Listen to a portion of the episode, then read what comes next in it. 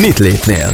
A megoldások nyomában. Egy nagyon különleges Mit lépnél epizóddal üdvözlök mindenkit, ez a harmadik évad nyitó része, és hát börtönbe jöttem, egészen pontosan itt vagyok a Fővárosi Büntetés Végrehajtási Intézet hármas számú objektumában, és egy olyan sráccal fogok beszélgetni, akit Rocska Renátónak hívnak, ő egy fogva tartott, négy éves büntetést kaptál, szia, üdvözöllek. Igen, négy éves büntetést kaptam, és így első nekifutásra ez egy kicsit szíven ütött.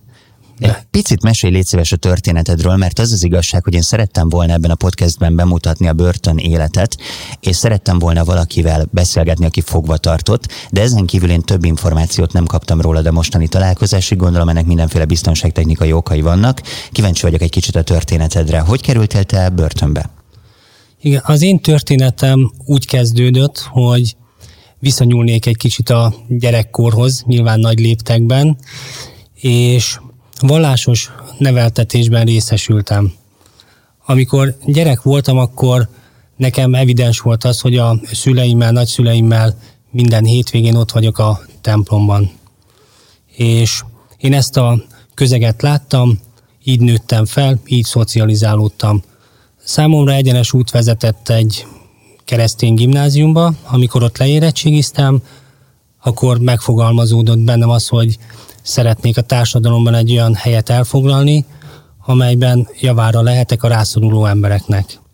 Ezért választottam a papi hivatást, hm. és fel is vettek a szemináriumba, ott elvégeztem három évet, ugyanakkor megfogalmazódott bennem, hogy szeretnék családot alapítani. Ezért civil pályára léptem. Előtte fel sem merült benned? A szeminárium alatt jutott eszedbe, hogy ezt szeretnéd? Igen, mert amikor valaki elmegy a szemináriumba, akkor megelőzően ugye a fiatal kori éveit éli. Gimnáziumban ugye 14 és 18 éves korom között még nem vágytam arra, hogy legyen egy feleségem, gyerekek, hanem ugyanúgy éltem, mint a többi fiatal. És akkor abba a szemináriumot, és civil pályára helyezted az életed? Mivel kezdtél foglalkozni? Én kerestem egy céget, ahol igazából kommunikációval foglalkozhattam, és utána visszairatkoztam civilként a, a, az egyetemre, és ahogy tanultam, akkor megfogalmazódott bennem az, hogy milyen jó lenne ismét az egyházhoz tartozni. Ugyanakkor már nem hivatásosként, hanem civilként. És ekkor jelentkeztem a Magyar Katolikus Rádióhoz, fel is vettek, először mint gyakornok. Ó, tehát egy kollégával beszélgetek? Igen, egy Igen? volt kollégával. Na jó, de eddig nagyon szép a történet, de hol van ebben töréspont? Itt akkor ö, történt a töréspont, amikor elhatároztam azt, hogy, hogy többre vágyom. Ugye felébredt bennem az, hogy valamit kéne kezdeni magammal. És elindultam egy olyan irányba, hogy az anyagiasság felé. Uh-huh. És túlságosan belelendültem abba, hogy összerakjak annyi pénzt, hogy tudjak egy nagy családi házat bérelni, fent tudjak tartani egy családot. És ehhez viszont pénzre volt szükség. Jelentkeztem egy céghez, és éveken keresztül dolgoztam ott, végeztem a tevékenységemet, és utána önállóan is megpróbáltam ugyanezt. Csak mm. sajnos nem voltam tisztában bizonyos jogi lépésekkel, és egy kicsit bele zavarodtam ebbe. Így. Konkrétan miközben ez a belezavarodás történt, te tudtad, hogy nem legális pályán mozogsz? Ez érezhető volt közben is, vagy, vagy mint villámcsapás derültékből? Nem, nem, nem. Tehát nem tudatosan történt mindez, hanem gyakorlatilag én nem végeztem könyvelőiskolát, és a számlák világában egy kicsit elvesztem. Uh-huh. Magyarul nem úgy számláztál, ahogy kellett volna, és rajta kaptak? Mondhatjuk ezt is, igen. Uh-huh. Ameddig ezt csináltad, fel sem merült benned, hogy ebből baj lehet? Nem, nem, én úgy voltam, hogy minden nap bementem a céghez, végeztem a tevékenységeket, találkoztam az emberekkel, és nagyon jó érzés volt, amikor a hónap végén megkaptam a fizetésemet, és örültem, boldog voltam, hogy na ez az, tudok lakást bérelni, tudok hmm. családot alapítani, és egyszer aztán jött a villámcsapás. Naív voltál? Igen, igen, nem voltam tisztában azzal, hogy hogyan kell egy céget fenntartani és helyesen működtetni. Nagyjából mekkora pénzről volt szó? Kb. Milliós nagyságrendről. Milliós nagyságrend.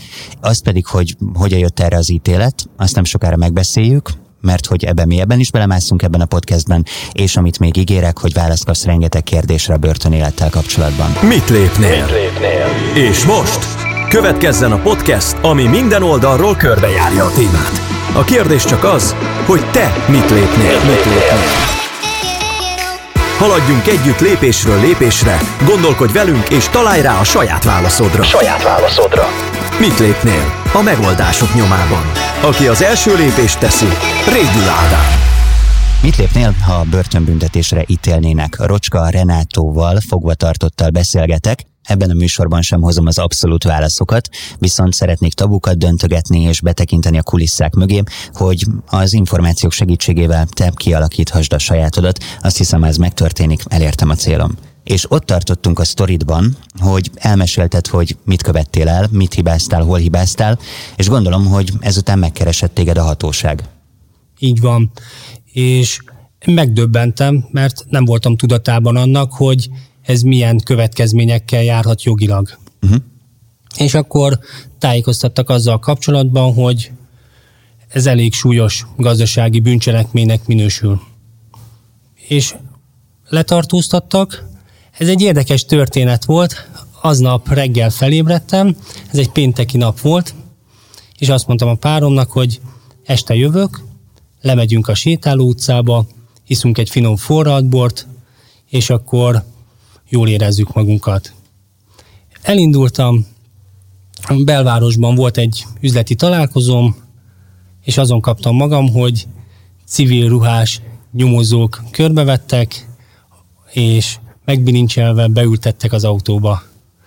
Nagyon megdöbbentem, nem is értettem, hogy miről van szó konkrétan, és utána, amikor a fogdán voltam, akkor mondták el, hogy ez a céges háttérnek köszönhetően volt, és még akkor még mindig nem értettem, nagyon szomorú voltam, nem csak önmagam miatt, mert akkor még úgy voltam, hogy hú, hát van otthon pénz, jó háttér, úgyis mindjárt hazaengednek.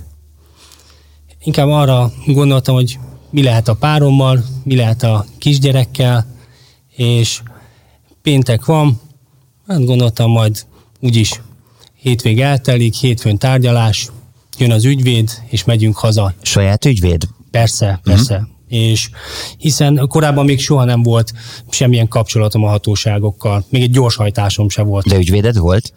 A ügyvéd az úgy volt, hogy ugye ilyenkor a nyomozó hatóság azt mondja, hogy vagy kirendel számomra egy ügyvédet, vagy a hozzátartozómat értesíti, és akkor ő fogad számomra egy ügyvédet. És te sajátot választottál, vagy, vagy bevállaltad, hogy akit hozzád rendelnek? Először ugye kirendeltek egy védőt, de útközben sikerült a páromat értesíteni, hogy baj történt, és akkor ő fogadott számomra egy ügyvédet. Ez úgy van, hogy egy telefonhívás megengedett? Vagy hogyan tudod értesíteni ilyenkor? Igen, ez, ez úgy kéne, mint a filmekben, ugye, hogy Igen, akkor... én abból indulok ki, ez valószínűleg hallatszik. Igen, de, de nem, hanem ugye annyit kérdeznek ilyenkor, hogy értesítenie, értesítene-e valakit. Uh-huh. És azt mondom, hogy persze, igen, szeretnék, és akkor megkérdezik, hogy kit.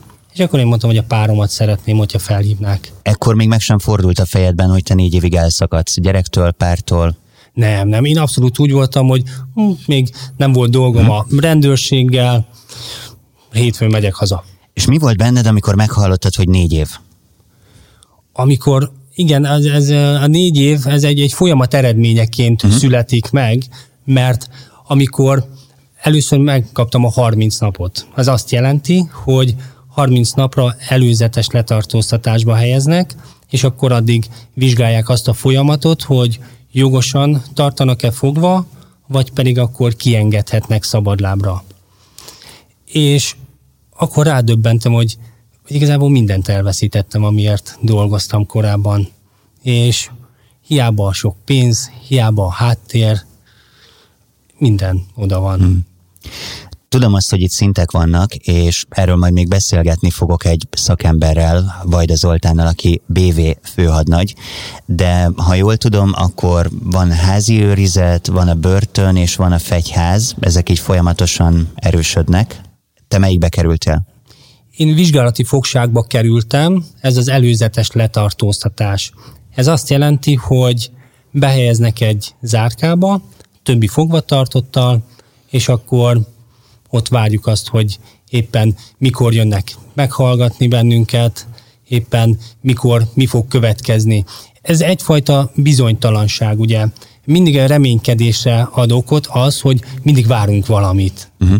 És én mindig azt vártam, hogy mikor jön az ügyvédem, mikor mond valami bíztatót, és abban reménykedtem, hogy na most akkor 30 nap után hazaengednek, akár házi őrizetbe, akár teljes szabadlábra, vagy akár egy lakhely elhagyásiba, ami azt jelenti, hogy a saját közvetlen környezetemet, azt a települést használhatom akár munkahelyre, akár kikapcsolódásra, de az a lényeg, hogy, hogy szem előtt vagyok, ameddig az ügy le nem záródik. Hát nem így lett. Nem.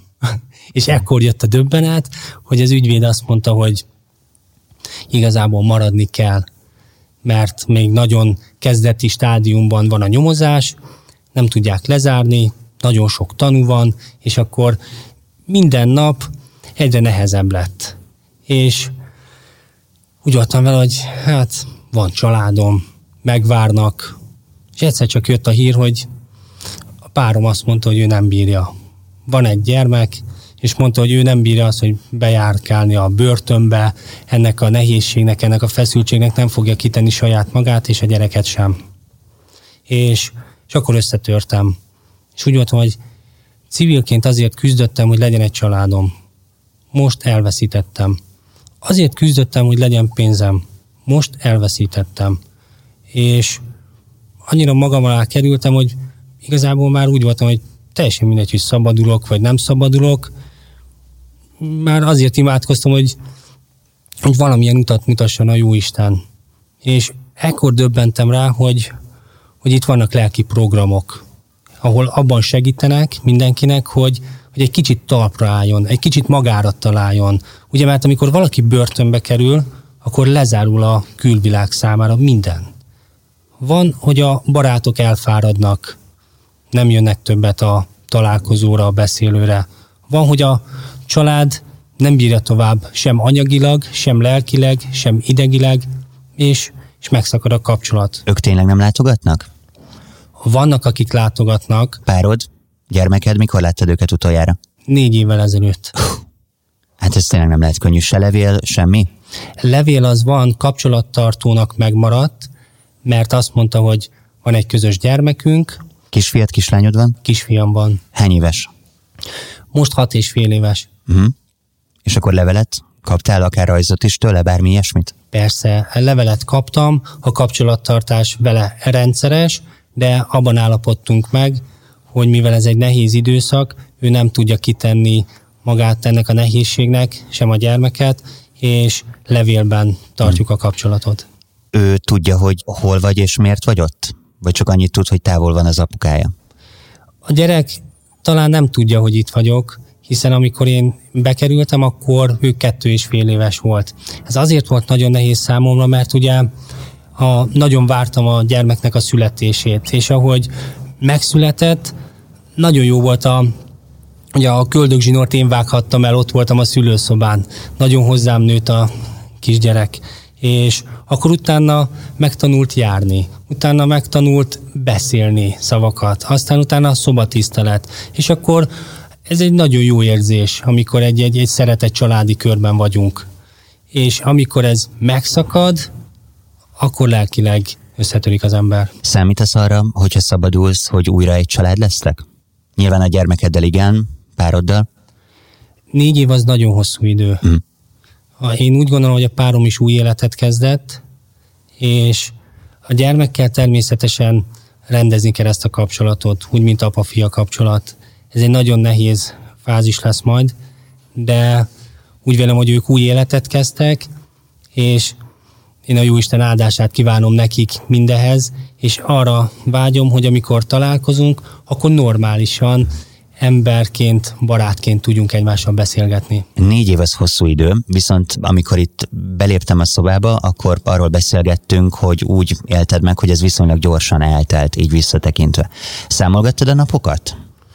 Az elején, amikor bekerültem, én mondhatom azt, hogy isteni gondviselés volt, hiszen mindig olyan közegben voltam, ahol hozzám hasonló emberek voltak, hiszen erre odafigyel a büntetés végrehajtás, hogy mindig hasonló kaliberű emberek kerüljenek egy közegbe. Pontosan azért, mert hogy legyen egy közös beszédtéma. Tehát például gyilkosokkal nem raknak össze olyat, aki tegyük azt sikasztáson kapott. Akár ezt is mondhatjuk, hmm. igen. Akár ez előfordulhat, de nem feltétlen mhm. jellemző, hiszen az a cél, hogy a, a bent töltött idő segítsen mindabban, hogy visszailleszkedjünk a társadalomba. Nem is érezted magad veszélyben? Nem, nem, egyáltalán nem. Igazából, amikor itt vagyunk bent a börtönben, akkor rádöbbenünk arra, hogy igazából szinte ugyanolyan emberek vannak itt, mint odakint. Amikor én kint voltam, számomra elképzelhetetlen volt az, hogy, hogy börtön. Tehát én éltem a mindennapjaimat, akár amikor a főiskolán tanultam, akár amikor párom volt, és volt, hogy elmentem kocsival a börtön előtt, azt sem tudtam, hogy ez a börtön. És, és amikor idehoztak, kívülről megláttam, hát majdnem szívrohamot kaptam. Hát mondom, hú, mi ez a nagy épület? És, és ugye amikor nagyon sok ember ott van, azt se tudom, hogy ki kicsoda, és hogy ki milyen bűncselekményt követett el. Persze utána a beszélgetések alkalmával mindez kiderül, és azt kell mondjam, hogy persze vannak gyilkosok, vannak rablók, vannak tolvajok, vannak gazdasági bűncselekményt elkövető emberek, és mondhatom azt, hogy meg lehet találni mindenkivel a, a közös hangot. Uh-huh. Hányan vagytok egy cellában? Lehet ezt hasonlítani egy kollégiumi szobához, vagy a klasszikus brácsos, ablakos betonfalu valamit képzeljem el? Itt igazából mind a kettő jelen van, uh-huh. és azért, mert mi nagyon szerencsés helyzetben vagyunk, hiszen valóban, mint egy kollégiumi szoba, itt ebben az objektumban, a hármas objektumban mi maximum négyen lehetünk egy zárkában. És, és ez azért nagyon jó, mert nincsen akkor túlzsúfoltság. És négy ember még kényelmesebben elfér, mint mondjuk, hogyha egy nagyobb zárka lenne kialakítva. Mi van ebben? Négy ágy, gondolom? Igazából kettő emeletes ágy van, Aha. És akkor van alsó-felső ágy, van egy mosdókagyló, van egy asztal, van a kis székek, mondhatjuk így, hogy stoki, mert így hívjuk, és van a, a vizes blokk, az pedig a WC-t tartalmazza az egy elkerített valami, vagy csak simán része ennek a zárkának? Persze, ez úgy, mint akár egy kollégiumban, hogy egy uh-huh. külön ajtó mögött van elhelyezve. Tehát, hogy az embernek megmaradjon a kis privát, intim szférája. Magán dolgaitok lehetnek? És hogyha igen, akkor mik azok a saját személyes cuccaid, amikben vannak veled? Ez úgy, hogy meg van határozva a házi rendben, hogy ki mit tarthat magánál, és vannak olyan dolgok, például, mint a, a boríték, a toll, tehát ez egy nagyon alapvető dolog, hogy mondjuk akkor a kapcsolattartás ez lehessen. Akkor, ami egy kicsit ilyen izgalmas, hogy lehet mindenkinek BV-s telefonja, mobiltelefonja. Erről még nem hallottam. Ez mire jó, kit lehet vele hívni? Hát ugye mindenkinek vannak kapcsolattartói, és akkor beregisztrálják őket a számítógépbe, és akkor őket lehet ezen hívni. Neked ki a kapcsolattartód? Nekem a, a családtagjaim és a barátaim a kapcsolattartóim. És bármikor hívhatod őket? Ez úgy van, reggel 7-től este 9-ig meghatározott időben lehet őket hívni. Gondolom, hogy ezek ilyen ellenőrzött vonalak. Igen, azt gondolnánk, hogy ellenőrzők, ellenőrzött vonalak, ugyanakkor nem hiszem, hogy van rá kapacitás, ugye, hogy egy pár száz embernek a telefonhívását mindig meg tudják hallgatni. Hm, ez egy új dolog? Igen, mert a régen úgy volt, hogy a folyosókon volt elhelyezve a falon telefon, és akkor oda lehetett kimenni mindig telefonálni. Ez egy kicsit kényelmetlenebb volt, hiszen akkor mindig sorba kellett állni, várakozni kellett, és akkor vagy sorra került valaki, vagy nem. Mi van, ha valaki dohányos? Szabad dohányozni? Persze. Tehát én nem vagyok dohányos, de vannak olyan körletek, ahol Például van olyan zárka, ahol dohányoznak, és van olyan, ahol nem dohányoznak, és akkor külön el vannak szeparálva egymástól. Van olyan, hogy konditerem, sportlehetőség, edzés, bármi ilyesmi? Van, igen. Létrehozták azt, hogy minden fogvatartottnak van lehetősége arra, hogy tudjon sportolni, akár a sétaudvaron, akár a konditeremben. Hogy néz ki egy napod? Én szoktam azon gondolkodni odahaza, hogy vajon föl kell-e kelni korán egy börtönben, vagy, vagy teheti azt az ember, hogy hát legalább ott kialussza magát. Igen, én is erre gondoltam, hogy egy jó nagyot fogok aludni, de... Mi volt? Mikor kelsz? Fél hatkor. Kell, akkor kelni? Igen. igen. Miért? Azért, mert a, van egy házirend, ezt régen úgy mondtuk, hogy egy latin mondást hagy mondjak fel, nagyon kedvencem. De hogy... nyugodtan, csak nem fogom érteni, majd fordítsd. Igen, hogy serva ordinem et ordo serva bitte. Tartsd meg a rendet, és a rend megtart téged. Van egy keret, és akkor azon belül tudunk mozogni. És minden nap fél hatkor van az ébresztő, kapunk utána reggelit, és... A szobába beviszik? Igen, igen, tehát van a hát szoba, zárka, cella. zárka cella. Jó, menjünk bele a részletekbe. Mi a reggeli? Ma mit reggeliztél? Ma nagyon finom volt a reggeli. Menzes ételhez hasonlítsam? Igen, igen. igen? Tehát a, van felvágott. Én abban a szerencsés helyzetben vagyok, hogy én dolgozó körleten vagyok elhelyezve, és, és akkor ehhez jár plusz felvágott, akkor zsemle, kenyér, vaj, egy kis nutella. Nutella? igen. Ezért ez elég jó belső telefon, Nutella. Kést kapsz a felvágotthoz meg a Nutellához, vagy, vagy nem adnak ilyet? Most már adnak. Viszont eleinte gondolom, vagy bizonyos bűncselekményt elkövetők esetében nem. Igen, régebben úgy volt, hogy műanyag evőeszköz uh-huh. volt, viszont most már mondhatom azt, hogy emberi körülmények lettek, és akkor fémevő eszközöket adnak. Jó, megeszed a reggelidet, akkor még mindig, hát rossz ebbe belegondolni, de olyan 7 óra fele mászkálunk, nem? Igen. Ez igen. korán van. Mi történik hétkor? 7 órakor megtörténik a váltás legkésőbb. Ez azt jelenti, hogy akkor jönnek a, a szintes őrök, ugye ők felügyelik azt, hogy a szinten minden rendben legyen, ilyenkor még be vagyunk zárva a zárkába, és akkor jönnek, és akkor egymást leváltják. Tehát az éjszakai műszak hazamegy, és akkor jön a nappali. Magyarul ti vártok? Így van. Igen? És akkor bejönnek, ellenőrzik a, a zárkarendet, mert van egy zárkarend, és Igazából semmi extra, annyi, hogy rendbe kell lenni a, a cuccainknak, a szekrényben, az ágynak, szépen rendbe kell lenni, és akkor utána kezdődik a nap.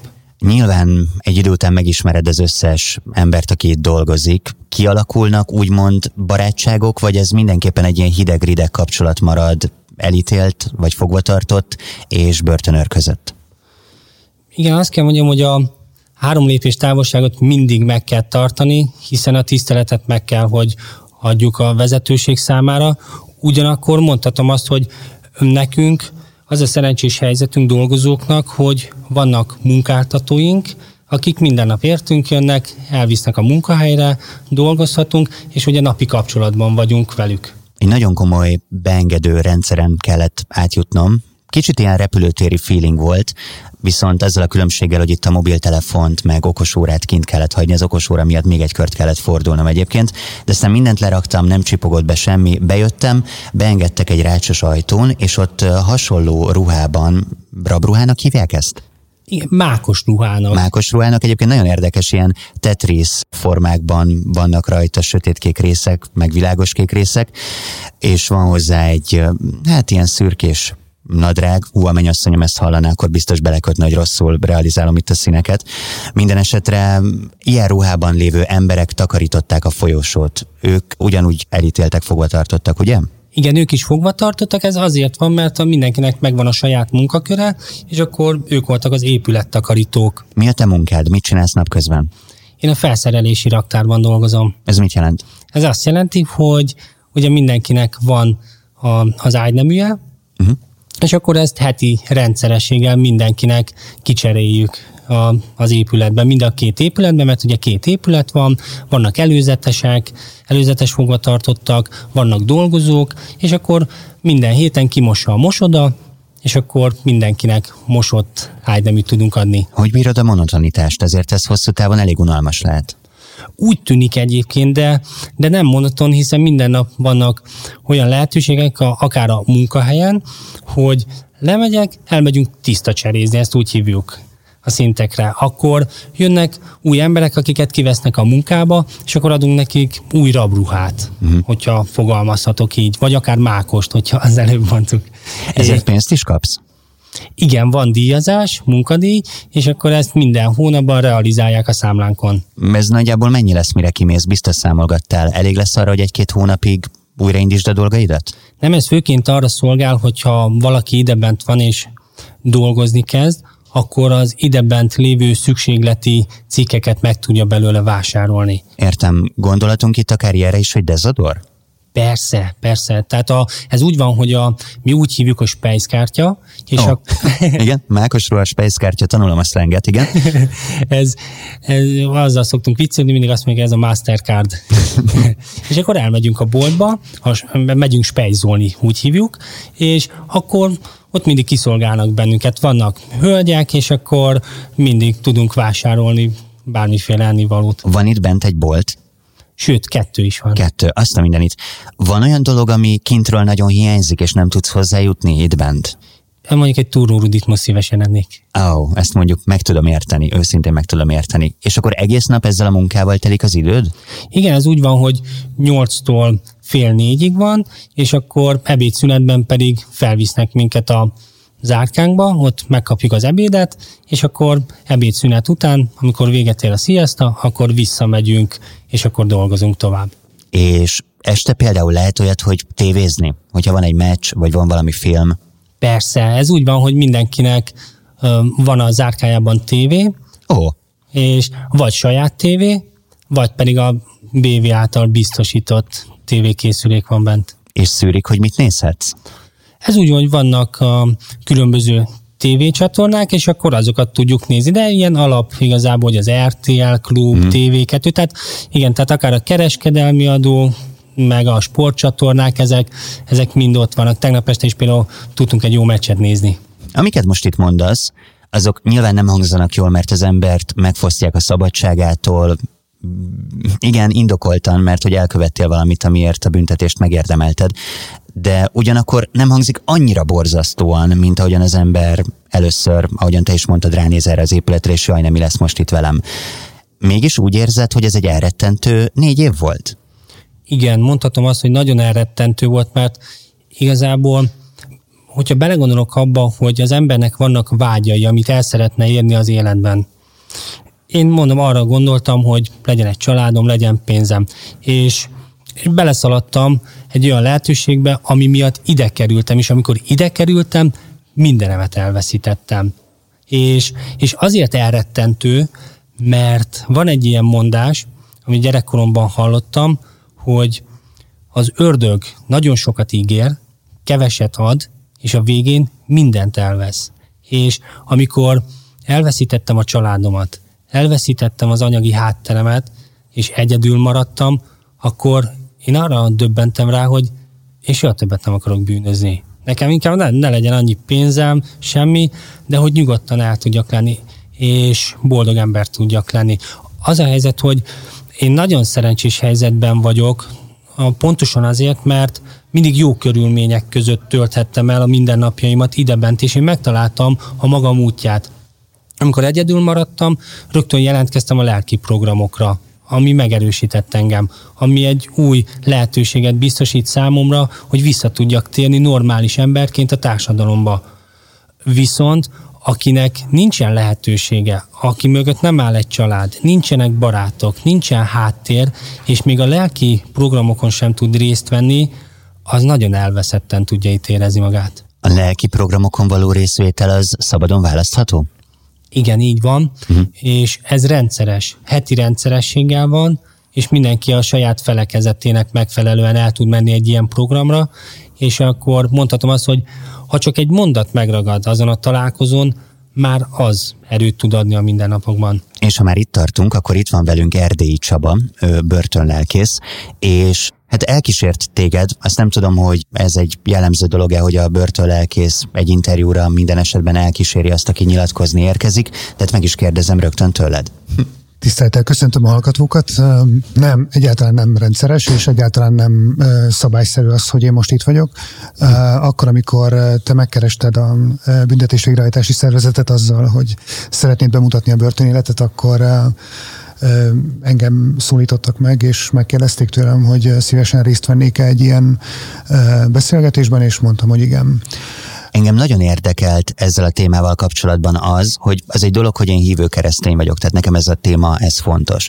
De amikor megkerestem ezt a hatóságot, hogy szeretnék egy interjút kérni, én abban a levélben nem tüntettem ezt fel, és nem is keresztény elítéltet kértem, vagy keresztény fogvatartottat kértem, amikor erről a beszélgetésről terveztem odahaza. Ennek ellenére titeket kaptam, egy keresztény csapatot gyakorlatilag, és erre nagyon kíváncsi vagyok, hogy ez egy általános dolog, hogy a fogvatartottak közül a keresztények azok, akikben van olyan bizalom, hogy mondjuk leülhetnek nyilatkozni egy kintről érkezővel?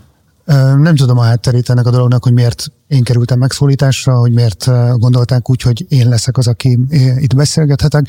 Nyilván itt most karácsony előtt vagyunk együtt és beszélgetünk, szerintem akár ennek is szerepe lehetett ebben, majd erről fogok egy picit mesélni, hogy hogyan telik a karácsony a börtönben, hogyha ez érdekes. Nem, az, hogy keresztény embereket szólítanak meg, az, az, az tehát nincs, nincs ilyen háttere a dolognak, ráadásul a büntetés végrehajtási szervezet sem a munkatársakról, sem a fogvatartottakról nem vezet ilyen listát, tehát eh, az, hogy ki gyakorolja a vallását, kinek milyen a, a hitéleti meggyőződése, ilyen statisztikák nincsenek. Nyilván az, hogy Renátó van itt most velünk ebben a beszélgetésben, ez nekem köszönhető elsősorban, mert én gondoltam arra, hogy uh, ha már megszólal egy fogvatartott, akkor uh, szólaljon meg olyan, egy olyan, aki egyrészt, ahogy hallhattuk, kommunikációs szempontból is felkészült, másrészt tartalmilag is olyan dolgokat tud mondani, amelyek hitelesen tudják bemutatni ezt a világot. Zuhanógépen vannak ateisták? Zuhanógépen szerintem kevésbé. A börtön ilyen szempontból nem feltétlenül hasonlít egy zuhanó repülőgéphez.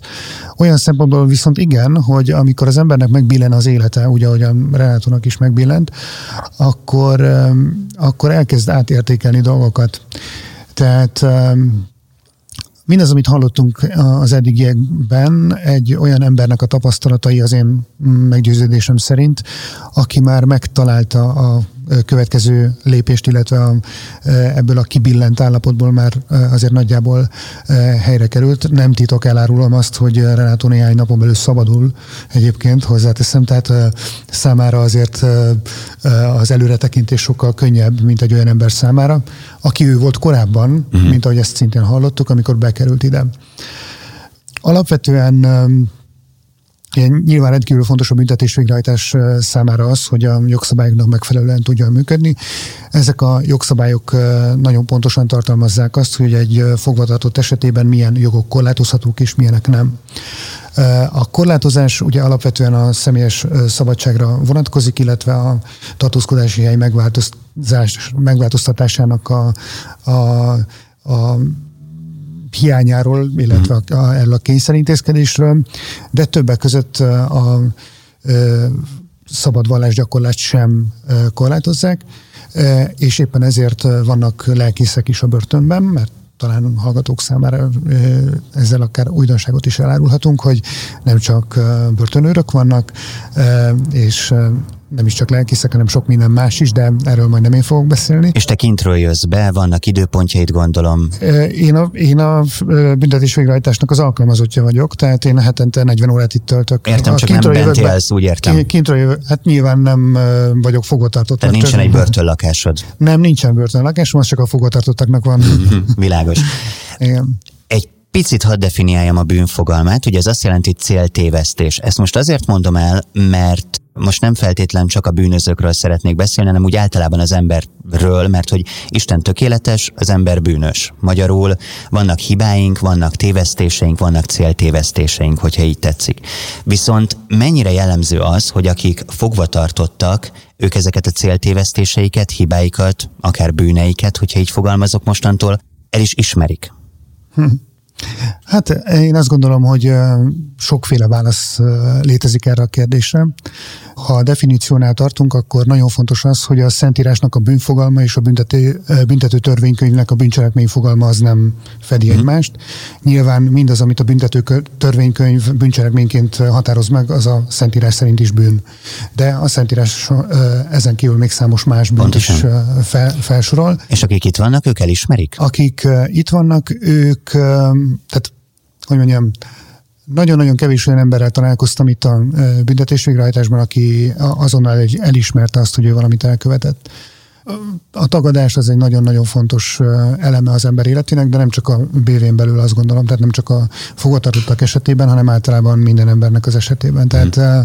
Hogyha megnézzünk olyan embereket, akik különböző addikciókkal, addikcióktól szenvednek, például ott is a, egy nagyon-nagyon fontos eleme ennek a tagadás, hogy nem, én nem vagyok függő, én bármikor le tudok mondani a dohányzásról, bármikor le tudok mondani az alkoholfogyasztásról, tehát számtalan más példa is, is hozható, de tudjuk azt, hogy nem tudnak lemondani. De ez a tagadás, ez, ez megvan. És dolgozik a bűntudat és utána? Egyéni. Mm. Tehát e, erre is nagyon sokféle válasz van. Van, amikor dolgozik, van, amikor szembe kerül az ember azzal, hogy milyen következményei vannak annak, amit elkövetett hogyha a saját bőrén tapasztalja, mint ahogy ezt Renátó történetéből hallottuk, akkor, akkor ez könnyebb. Uh-huh. Hogyha az embernek van egy Isten kapcsolata, akkor is könnyebb. Mert hogy az Isten kapcsolat az, az mutat egy kiutat. Tehát, hogy, hogy, hogy látja azt, hogy igen, valamit elkövettem, hibáztam, tévedtem, de ezzel nincs vége a világnak. Még akkor sem, és ugye nagyon sok fogvatartottal találkoztam és találkozom, hogyha mondjuk adott esetben egy tényleges életfogytiglanít büntetést kap az, az illető, még akkor is, hogyha van egy Isten kapcsolata, akkor ő tovább tud mhm látni ezen. Ez a műsor már karácsony után megy le, de ezzel hmm. semmi probléma. Nyilván itt rengeteg hivatalos dolgon keresztül kell vinnünk még ezt az adást, mielőtt publikálni tudom. De egy néhány mondatban kérlek foglald össze, hogy hogyan történik egy ilyen karácsonyi ünnepség a börtönben, ha ezt hmm. lehet egyáltalán ünnepségnek nevezni. Mi van itt karácsonykor? Eh, ahogy a Renátó is említette, először is vannak eh, karácsonyon kívül is folyamatos eh, programok, tehát eh, a, gyakorlatilag a hét minden napján van valamilyen ö, vallási tematikájú, most így fogalmazok, program, amiket szervezünk, és tulajdonképpen nagyon-nagyon sokan megtalálhatják a vallásgyakorlásnak ezeket a szervezet formáit. Ugye az, hogy egyénileg ki hogyan gyakorolja a vallását, erre nekünk nincs rálátásunk, és nyilván befolyásunk sincsen, de akik a közösségi vallásgyakorlási programokra járnak, én róluk tudok elsősorban nyilatkozni. Tehát van egy folyamatos lelki életre való lehetőség, most így mondom, és nyilván akkor, amikor a karácsonyi időszak következik, ahogyan egyébként a börtönön kívüli világban is, akkor ezek egy kicsit megsűrűsödnek. Vannak olyan missziós szervezetek, akik börtönben lévő emberekkel is foglalkoznak, vagy kifejezetten ezzel foglalkoznak, és ők is szerveznek különböző ilyen karácsonyi programokat, ilyen kisebb koncerteket, istentiszteletek, zenés istentiszteleteket kell elképzelni. Ezen kívül nagyon fontos, hogy a Fővárosi Büntetés Végrehajtási Intézetben minden évben karácsonykor is, de más nagy egyházi ünnepeken is, valamilyen egyházi vezető az, aki eljön, és most éppen karácsonykor egy ünnepi szentmisén vehetnek majd részt a fogvatartottak, amikor nyilván római katolikus egyházi vezető érkezik hozzánk. Te evangélikus lelkész vagy. Így van. Uh-huh. Erdély Csaba, börtönlelkész, nagyon szépen köszönöm. Köszönöm én is a lehetőséget. Ebben a műsorban van egy activity rovatunk, hát viszonylag meg van kötve az ember keze egy ilyen intézményben ezzel a rovattal kapcsolatban, viszont én nagyon szerettem volna egy főhadnagyjal beszélgetni, aki itt dolgozik, és az elítéltek, vagy fogvatartottak, hát egy kicsit más szemszögből való rálátásában segít minket. Vajda Zoltán lesz az BV főhadnagy, akivel beszélgetünk. Mit lépnél? Activity. Vajda Zoltán BV főhadnagy, akivel szemben ülök, és most ki fog derülni minden, már hogy arról, hogy mondtam-e valamit rosszul, ugyanis azt hiszem, hogy a szakmai oldalát te sokkal-sokkal jobban ismered nálam, viszont mivel korábban nem tudtam, hogy veled fogok beszélgetni, ezért kérlek néhány mondatban mutatkozz be a hallgatóinknak, mióta foglalkozol ezzel, és mi a te feladatod. Üdvözöllek téged is, és a hallgatókat is. 2007 óta tartozom a Fővárosi Büntetés Végrehajtási Intézet állományához. Elég sokrétű képet kaptam már az elején is. Én a biztonsági oldal részén kezdtem a szakmát 2007-ben, 2008-ban átkerültem az úgynevezett akkor még nevelőknek hívott BV osztályhoz, ami azóta már reintegrációs szakterület ként éli a napjait, és most körülbelül egy két-három hónapja ismételten visszahozott a sors a biztonsági szakterületre. Jól vázoltam ezeket a szinteket? Tényleg így működik, ahogyan én utána nézelődtem a dolgoknak? Nagyon sok szint van. Mik a szintek? különböző szempontos szintek is vannak. Tehát mm. van egy olyan szempontos szint, amit a bíróság, amit megítél már az elején, de persze addig is még nagyon sok minden más elkülönítési szabálynak hívott szempontnak meg kell felelni ahhoz, hogy egy fogvatartottal hogyan bánunk. Az gyakorlatilag már, hogy kimondják azt, hogy milyen ítéletet kap és milyen végrehajtási fokozatban tölti az az ítéletét az már nekünk egy könnyebbség, addig viszont nagyon sok szempontból magunkra vagyunk utalva, vagy egy fogvatartottat hogyan kezeljünk. A büntetés végrehajtás mindig is arról volt híres, hogy önmagában is progresszív, és a fogvatartottakkal való bánásmódot is olyan progresszív képpel próbálja megerősíteni, tehát gyakorlatilag egy ösztönző rendszeren keresztül mennek a fogvatartottak már onnantól kezdve, hogy bekerülnek, a, párhuzamosan azzal, hogy mi nekünk kötelességünk őket megismerni, hogy az ő kezelésüket konkrétan meg tudjuk határozni már az elején, hogy milyen módszerekkel nyúlunk hozzájuk, uh-huh. hogyan fogjuk őket kezelni, mert hát természetes módon az az elsődleges szempont, hogyha a reintegráció a fő témánk, hogy a társadalomba egy kicsit javult képpel visszaengedjük, hogy már a visszaesés lehetőségét csökkentsük, vagy legoptimálisabb helyzetben meg is akadályozzuk. És hogy kaptok róluk információt? Kaptok egy mappát, egy dossziét, és benne vannak az adatok, vagy amikor jön egy új elítélt, fogvatartott, akkor valaki mondjuk egy felettesetek beszámol arról, hogy ki ő és mit követett el? Vegyük azt a helyzetet, hogy teljesen ismeretlen a büntetésvégrehajtási rendszer előtt az az ember, aki ide kerül elénk, mert ugye aki esetleg már visszaeső, ott azért már korábbi bentlétéről azért már van képünk, de akkor még jelen pillanatban azt, amit az ügyészség, a jogkör gyakorlója, amit közöl róla, a rendőrségtől, ami esetleg van információ, és ami fontos az azonnali, vagy lehetőleg azonnali gyors, személyes foglalkozások, reintegrációs tiszti meghallgatás, pszichológusi meghallgatás mindjárt adjon egy képet a fogvatartottról. Minél előbb tudjuk ezt végrehajtani, annál előbb biztos vagyunk, biztosak vagyunk abban, hogy a fogvatartott azokat a börtön ártalmakat minél könnyebben megéli, ami egy ilyen itt igazából tényleg egy kritikus helyzetben éri, mert azért tényleg egy megszokott környezetből kiszakítani, és tényleg maradjunk annál, aki még nem volt börtönben, ott nagyon oda kell figyelni arra, hogy hogyan indul itt a benti élete neki. A ti munkátok nagyon nem haverkodós, tehát itt biztos vagyok benne, hogy a legfontosabb a távolságtartás, de mégis másképpen bánhattok valakivel, aki olyan, mint Renátó, és másképpen bánhattok valakivel, aki mondjuk egy gyilkos? Fogva tartott viselkedésén múlik ez az első pillanattól kezdve.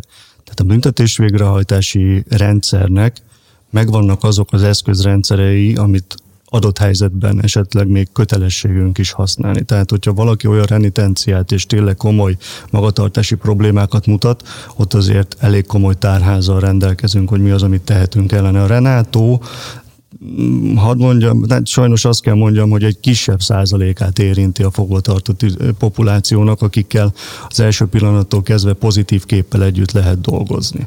Tehát az az elsődleges, hogy minden fogvatartottnál érjük el azt az állapotot, hogy önmaga rájöjjön arra, hogy ő neki most nem csak ránk kell hagyatkoznia, hanem önmagának is el kell döntenie azt, hogy kezde valamit majd az életével, és azért saját erőből is kell majd a közeljövőben valami feladatokat, dolgokat megtennie. Ez elég sokrétű lehet, tehát most hiába is bontom ki. Mm. Az a lényeg, hogy a felismerés meglegyen, hogy itt ebben az állapotban ő neki nem elsüllyednie kell, hanem emelkednie kell a mi segítségünkkel folyamatosan. Igen, hiszen hogyha magában nem hozza meg a döntést, akkor a reintegráció már így a nulladik lépésnél elborult. Ez az egyik legfontosabb, igen. Uh-huh.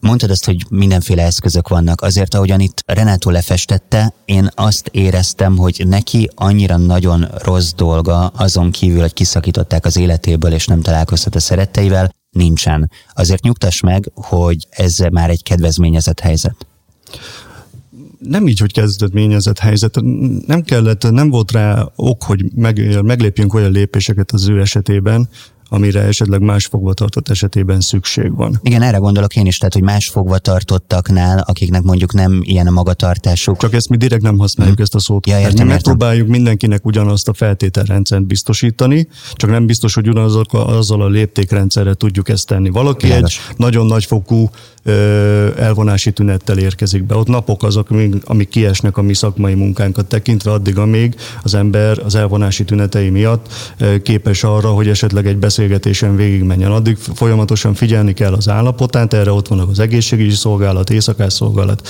ki tudnám fejteni, de gyakorlatilag tényleg azt kell, hogy mondjam, hogy az első pillanattól szakemberek megpróbálják már fölvenni akkor a fogvatartottal a, kapcsolatot, amikor ő már befogadó.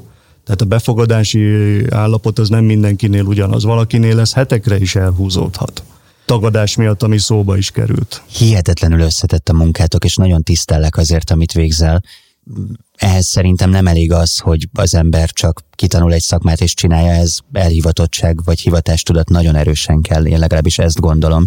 Említetted azt, hogy hogyha valakinek nem megfelelő a magatartása, akkor vannak mindenféle eszközeitek egy-kettőt ebből emelj ki, kérlek. Mit lehet csinálni valakivel, aki mondjuk már józan, felfogja, amit mondasz neki, de nem fogad szót? A fegyelmi rendszer az, ami szépen le van írva a jogszabályban, hogy mi az, amit lehet alkalmazni, és gyakorlatilag annyival kiegészül a mi munkánk, hogy ha tetlegességre fordulna a helyzet, akkor jogszabályi kereteken belül még azzal is élhetünk. Az eddigi pályát során kerültél veszélyes helyzetbe?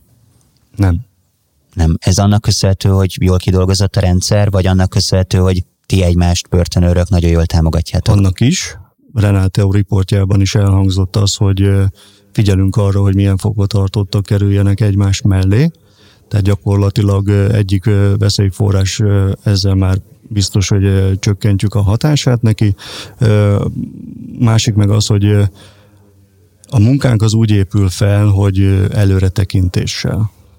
Tehát tudjuk nagyon jól azt, ezt a rutin hozta tapasztalat, hogy milyen a, mik azok a helyzetek, amiket már nem is szabad előidézni. Tehát eljutunk odáig, hogy nem is idézzük elő azt a helyzetet. Arra reagálunk, amit esetleg más körülmény adott, de ott is kellő odafigyeléssel nem fejjel a falnak. Nyilván a filmes múltam az komolyabb, mint amit itt tapasztalati szinten megéltem ebből az egészből. Fontos a kérdés, mert azt látom, hogy aki elítélté válik a filmekben, mindig az első pillanattól azon gondolkozik, hogy hogyan tudna megszökni, vagy hogyan tud idő előtt kiszabadulni. Van erre lehetőség? Történnek szökések? Mennyire elképzelhető ez? Úgy kell felépíteni a rendszerünket, hogy ez minimális legyen. Uh-huh. Tehát az az igazság, hogy ha azt veszem, vannak olyan pontjai a büntetés végrehajtás életében, ahol komolyabb biztonsági körülmények között vannak fogvatartottak, és van, ahol ez például gyengül minden egyes helyzetben meg kell azt találnunk, azt a, föl kell készülnünk arra, hogy ezek a gyengébb pontok is biztosítható körülmények között maradjanak. Nem minden esetben vannak a fogvatartottak, csak hogy konkretizáljam is bezárva az, árka, az árkába több száz kilós vasajtó mögé. Mm. Tehát van, amikor őket mozgatjuk, más körülmények között vannak egy kicsit szellősebb térben. Ilyenkor nagyon fontos az, hogy tényleg a munkánk legelején a megismerési szakaszt, szakaszt sikeresen le tudjuk zárni, hogy egy fogvatartottat milyen körülmények közé engedhetünk ki. Tehát maga ez a prevenciós hozzáállás, hogy megelőzzük a dolgokat, ez a nagyon fontos. Tehát ha valakiről nem kapjuk meg azt a képet, hogy egy bizonyos feladatot itt a büntetésvégrehajtási intézet falain belül végrehajthat, akkor azt nem biztosítjuk, amíg annak a körülményei nem adottak. Említetted, hogy a reintegráció nagyon fontos, nyilván ennek számos lépésében közreműködtök. Mennyire múlik rajtatok az, hogy valaki mennyi időt tölt le? Sokszor hallok arról, hogy valakinek jó magaviseletért csökkentik a börtönbüntetését. Érdekel az, hogy nektek van ebben szavatok? Ennek a lehetőségét, hogy valaki korábban elhagyhatja a börtön falait, az már az ítélete pillanatában, amikor a bíró kimondja azt, hogy feltételes szabadságra majd bocsájtható-e vagy sem. Tehát mi nem nagyon tudunk ezzel mit kezdeni, hogy a fogvatartott kimegy, a fogvatartott tud ezzel mit kezdeni, hogy korábban kimegye. De nincs ilyen, hogy ti leadtok valami aktát róla, hogy jó maga viseletet tanúsított, ezen és ezen a programon részt vett? Ez hozzátartozik ahhoz az eljáráshoz, ami a feltételes tárgyalásához szükséges, hogy ő alkalmas-e arra, hogy a megszabott idő vele korábban kiegyenjük a társadalomba. Természetesen itt a mi szavunk az sokat nyom alatba, tehát igen, a kérdésre igen, tudok válaszolni, hogy befolyásolhatjuk ebben Említettem a azt, hogy biztos vagyok benne, hogy ez hivatás. Számodra miért fontos ez? Mit szeretsz ebben, amit csinálsz? Jaj, ezt a mai napig nagyon nehéz megfogalmazni. Ennek a munkának nagyon sok pozitív és negatív momentuma is van.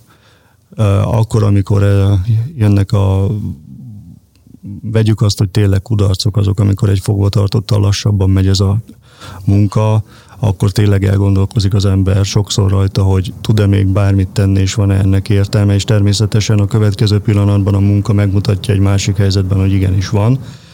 Ezeket a pillanatoknak a számát kell nekünk növelni.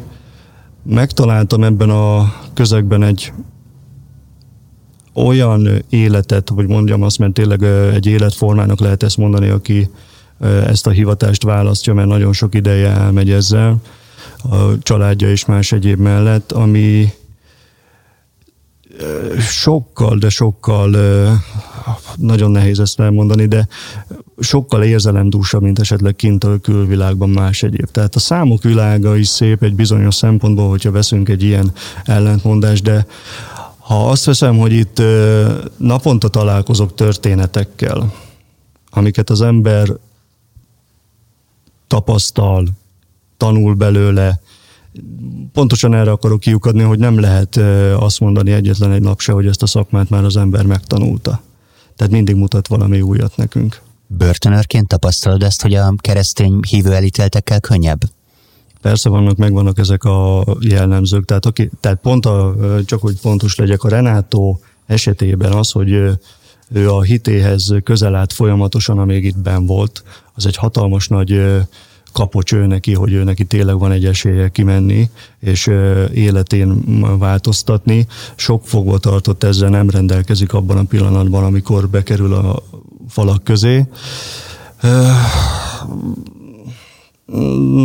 azt kell, hogy mondjam, hogy igen, megvannak azok a típusú fogvatartottak, akikkel könnyebb már az elejétől is együtt dolgozni. Van egy bónusz kérdésem, ezt a lelkemre kötötték, és magamnak is a lelkemre kötöttem, hogy mindenképpen meg fogom kérdezni. Az utolsó filmes kép, amit tőled kérdeznék. Mennyire fordul elő az, hogy emberek be akarnak csempészni dolgokat, kenyérben, reszelő, vagy nem tudom én, egy késbe kerül a börtönbe, vagy úgy egy doboz cigaretta, hogy annak nem lenne szabad. Vannak-e ilyen esetek, és hogyha igen, akkor miket szoktatok elkobozni? Egy kicsit ö, tágabban kezdem ezt. Ugye egy teljesen leszabályozott, igen, csak szabályokhoz kötött környezetben az emberek, most nem is direkt nem fogvatartottaknak uh-huh. Nevezem őket, mindenki megpróbál tenni azért, hogy, azért, hogy a, az ő napjai könnyebbek legyenek. Természetesen kártagadni van ilyen, de az intézetnek megvannak az eszközei arra, hogy ezeknek a számát csökkentsük. Tehát gyakorlatilag a nem került szóba, de eddig még, de például a csomagküldés esetén megkaphatnak csomagot legalább havonta. Ott teljes körű vizsgálaton mennek át azok a, az áruk, termékek, amiket beküldhetnek maguknak. Előfordulnak mm, az, a zárkában való tárgyaikból Mm, hiába mondom azt, persze készíthetnének esetleg eszközöket, amiket nem használnak. Ez a folyamatos kontrollnak az eredménye, hogy ezeket megpróbáljuk el megelőzni, hogy ilyenek legyenek, és hogyha mégis van, akkor azokat soron kívül elkobozzuk. Ezekre, hogy amiket a termékeket felsorolt, tehát természetes dolog, ezek is benne vannak, de ezen kívül még más egyébek is, tehát ezt így csak ezekre az eszközökre leszűkíteni felesleges. Az a lényeg, hogy igen, a fogvatartottakban ezt érjük el, hogy ne azt az adott célt tegye ki maga elé, hogy a következő napon ő rendelkezzen egy tárgyi dologgal, ami megkönnyítheti abban az adott pillanatban az életét, ami itt bent folyik, hanem tegyen azért, hogy hosszú távon ő a fejlődésével biztosítsa azt, hogy a kinti életben megállja majd a helyét. Eddig sem akartam börtönbe kerülni, most sem akarok, viszont nagyon jó azt látni, hogy igencsak emberségesen történnek itt a dolgok, és az is tetszik, hogy attól függetlenül, hogy különböző emberekkel más-más lehetőségei vannak a végrehajtóknak, de a reintegráció a kulcs. Én nagyon szépen köszönöm, hogy a rendelkezésemre álltál, és egy kicsit segítettél belelátni ebbe a világba. Vajda Zoltánnal, BV főadnaggyal beszélgettem. Köszönöm én is. Mit lépnél? Mit lépnél? Mit lépnél, ha Legyél lépés előnyben. Rocska Renától fogva tartottal beszélgetek. Egy-két tévhitet, hiedelmet ezért még oszlassunk szerteszéjel, vagy, vagy támaszunk alá, hogyha tényleg itt történik idebent. Az egyik, ami engem nagyon érdekel, ez a látogatás. Ez hogyan működik? Van-e üvegfal, ilyen kis telefon, vagy szemtől szembe egy szobában lehet találkozni, meg lehet-e fogni egymás kezét, van-e bent valaki, aki figyel titeket, hogyan zajlik ez, milyen gyakran?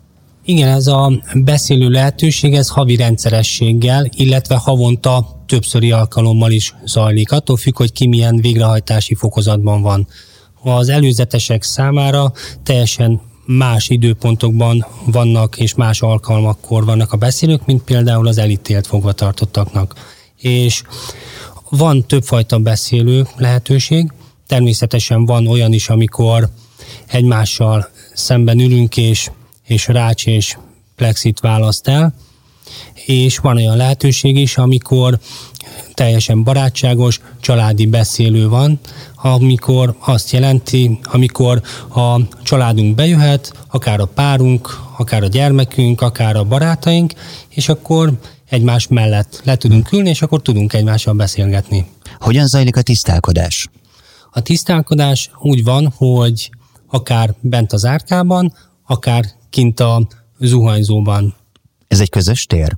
Igen, ez egy közös tér, ez olyan, mint egy kollégium. Uh-huh. És illetve ahhoz tudám hasonlítani, mint a kollégiumot, hogy meghatározott időben, akkor munka után felmegyünk a szintekre, bemegyünk az árkába, és akkor van egy olyan időintervallum, amikor ki lehet menni, és akkor meg lehet fürdeni. Bocsánat a kérdésért, de biztos vagyok benne, hogy a hallgatóim nagy százaléka csalódott lenne, hogyha ezt nem tenném fel. Tényleg óvatosan kell lehajolni a szappanért? Sőt, érdemes inkább tusfürdőt használni, de ez általában így is van. Komolyan ennyire veszélyes a helyzet? hát nem, csak gondoltam valami pikás, mondok. Jó, csak mert az eddigiek alapján, igen, senki nem akar börtönbe kerülni, és biztos vagyok benne, hogy sok mindenből lehet tanulni, de úgy azon kívül, hogy kiszakítanak az otthoni életedből, annyira nagyon nem tűnik megterhelőnek egy börtönidőszak az alapján, ahogyan te elmesélted. Igen, sok minden függ attól, hogy ki hogyan szocializálódik, ki milyen közegből érkezik, és hogyan tudja értékelni azt az adott helyzetet, amiben találja magát. Vannak olyan helyzetek például, amikor akár kialakulhat egy konfliktus helyzet, hogyha valaki nem úgy válaszol a akár mm. egy másik fogva tartottnak, mint ahogy a filmekben szoktuk ezt látni. Akár ez is kialakulhat. Számomra négy év alatt egyszer sem alakult ki, pontosan azért, mert tudtam kezelni ezt a helyzetet. De mondhatom azt elrettentésnek, hogy amikor az ember bekerül a börtönbe, hiába gondolja azt, hogy hú, de jó lesz, sokat fogok aludni, sok könyvet el fogok olvasni, kigyúrom magam, ahogy itt szokták mondani, meg kipattintom magam, ugyanakkor az ember képes összetörni lelkileg. Teljesen mindegy, hogy odakint milyen háttérrel rendelkezik, amikor rátöbben arra, hogy bezáródik az árkajtó, és egyedül marad, akkor úgy képes átértékelni azt, hogy hoppá, odakint esik az eső, hú, nem baj, bárcsak ott lennék. Mm. És én azt mondom, hogy nincs az a pénz, nincs az a háttér, semmi, amire én azt mondanám, hogy, hogy megéri elkövetni egy, egy bűncselekményt, mert, mert az ember idekerülése olyan éveket tölthet börtönbe, amit tölthetne mondjuk a szüleivel. Magyarul megnyugtatsz abban, hogy annak ellenére, hogy itt lehet tanulni, hogy itt lehet dolgozni, hogy itt lehet kvázi ingyen enni, aludni, stb. nem érdemes börtönbe kerülni. Tölthetnéd az időt mással. Pontosan, pontosan így van. Én, én ezt tudom csak mondani mindenkinek, hogy amit én saját bőrömön tapasztaltam, hogy nem nyertem igazából semmit azzal, hogy, hogy nagy céget vezettem, és hű, sok pénzem volt, mert ide bent igazából mindenemet elveszítettem, és átértékeltem az életemet, és, és azt mondom, hogy inkább egy másik útvonalon folytatom tovább az életemet. Szerinted mennyire működik jól ez az elrettentő példa? Most nyilván névtelenül, de körbenézve azok körében, akikkel együtt vagy, a legtöbben úgy viszonyulnak ehhez, hogy kimennek és új, jobb életet kezdenek, vagy tényleg van abban valami, hogy az ilyen helyeken az emberek bűnelkövetőkkel töltik az időt, megtanulnak új módszereket, kimennek és megpróbálják profiban csinálni ugyanazt, amit addig? Ez minden attól függ, hogy ki honnan érkezik, és hová tart, hogy mi a célja az életben. Hiszen én szerencsés helyzetben vagyok, mert van hová hazamennem. Újra tudom építeni az egész életemet. Teljesen másként látom most már mindazt, amit a börtönévek előtt láttam. De sajnos vannak olyanok, akik kimennek az utcára, és azt sem tudják, hogy merre induljanak el. És sajnos akarva akaratlanul is bele csúszhatnak abba, hogy újból visszaesők lesznek, mert, mert nem tudnak mit kezdeni a szabadságukkal, és, és igazából emiatt visszaesnek. Sok ilyet tapasztalsz magad körül? Sokan vannak, akik már több egyszerre vannak itt? Én amióta bent vagyok négy éve, láttam már olyan fogvatartottat, aki legalább már háromszor jött vissza azóta. Hmm. Mikor szabadulsz? Én egy nagyon szép dátumban fogok szabadulni, illetve egy nagyon szép dátumon fogok szabadulni. Ez december 25-e, oh. karácsony Jézus születése, és én ezt úgy értékelem, mint a saját nevemnek a jelentését, a Renátónak az a jelentés, hogy újjászületett. Mm. És, és pont ezen a napon fogok szabadulni, ami mondhatom az, hogy nagyon boldoggá tesz, és ha esni fog a hó, ha fújni fog a szél, teljesen mindegy. Otthon vagyok, szabad vagyok, és újra tudom építeni az életemet. Tudod, hová mész? Segítenek ilyenkor? Nekem igen, van lehetőségem.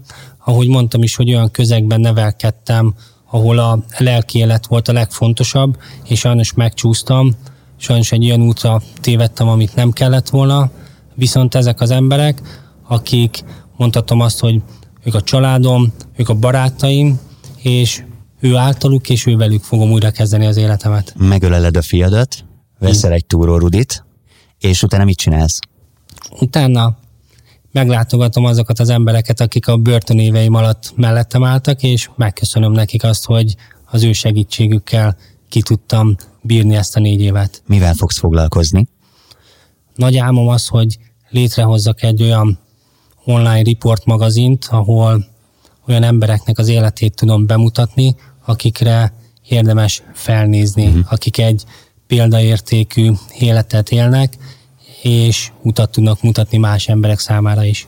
Nagyon kívánom, hogy ez valósuljon meg. Mit lépnél, ha börtönbüntetésre ítélnének? Ez a nagy kérdés. Mit elmondtad, hogy te mit léptél? Ugye nem ígérünk ebben a műsorban abszolút válaszokat, viszont mindenki a saját fejében így közelebb jutva az igazsághoz ki tudja alakítani a sajátját. Annyit talán még mondjál el kérlek, hogyha így meg kéne fogalmazni ennek az időszaknak a tanulságát. Összefoglalva, szumázva, amit beszélgettünk, akkor mit mondanál? Én azt mondom, hogy amikor bekerültem, abszolút sötétségben voltam, és nagyon magam alatt voltam. És ahogy elkezdtem imádkozni, mert nekem ez az egy kapaszkodó pontom volt az életben, hogy amikor a lelki élethez visszatértem, akkor tudtam igazán önmagam lenni. És amikor elkezdtem azon gondolkodni, hogy valami hasznosat kéne csinálni naponta, akkor minden nap elkezdtem lenyomni egy pár fekvő támaszt. Hmm. És, és akkor utána egyre többet csináltam, és akkor utána elkezdtem olvasni a Bibliát, és ezt mondtam, hogy hű, hát ez tök jó. Ez testileg is, lelkileg is épít, és, és vittem egy rendszert a napjaimba, és ezt a rendszert szeretném folytatni a szabadulásom után is. Rocska Renátóval fogvatartottal beszélgettem, nagyon szépen köszönöm, és kívánom, hogy minél hamarabb, minél boldogabban indítsd újra az életed ezzel az újjászületéssel. Én is nagyon szépen köszönöm, minden jót kívánok. És ebben a műsorban közreműködött még Erdély Csaba, börtönlelkész, valamint Vajda Zoltán, BV főhadnagy, és nagyon szépen köszönöm a Fővárosi Büntetés Végrehajtási Intézet hármasszamú objektumának is, hogy befogadták ezt a műsort. Neked pedig hálás vagyok, hogy ma is hallgattad a Mit lépnélt. Iratkozz fel mindenféle podcast csatornánkra. Az iTunes-on kérlek értékeld is az adást, szívesen veszem a kommenteket, és az öt csillagot is bevallom. Ezen kívül pedig, hogyha megosztod a barátaiddal, azt is nagyon-nagyon szépen köszönöm. Ami még fontos és hasznos lehet, hogy kommenteket a Facebookon, a Mit Lépnél oldalon is hagyhatsz. Szeretném a műsort és a közösséget úgy fejleszteni, hogy az neked a legjobban tetszen, és talán, hogyha még erre van egy kis időd, akkor visszanézhetsz az előző évadokba is, vannak nagyon izgalmas epizódok, hallgass meg azokat, és várd az újabbakat. Köszönöm szépen a figyelmedet, Rédl Ádám vagyok, nézz a lábad elé. Ez volt a Mit Lépnél. Egy podcast a megoldások nyomában. Hamarosan újra együtt keressük a válaszokat, lépésről lépésre. Iratkozz fel podcast csatornánkra. Kövess minket Facebookon és a weboldalunkon. Találkozzunk legközelebb is. Addig se feled, addig se feled. Mit lépnél? A következő lépés, a következő lépés a tiéd. Ez a podcast a Broadcast, a Broadcast családtagja. Broadcast. Vidd magaddal. A műsor a Beaton Network tagja.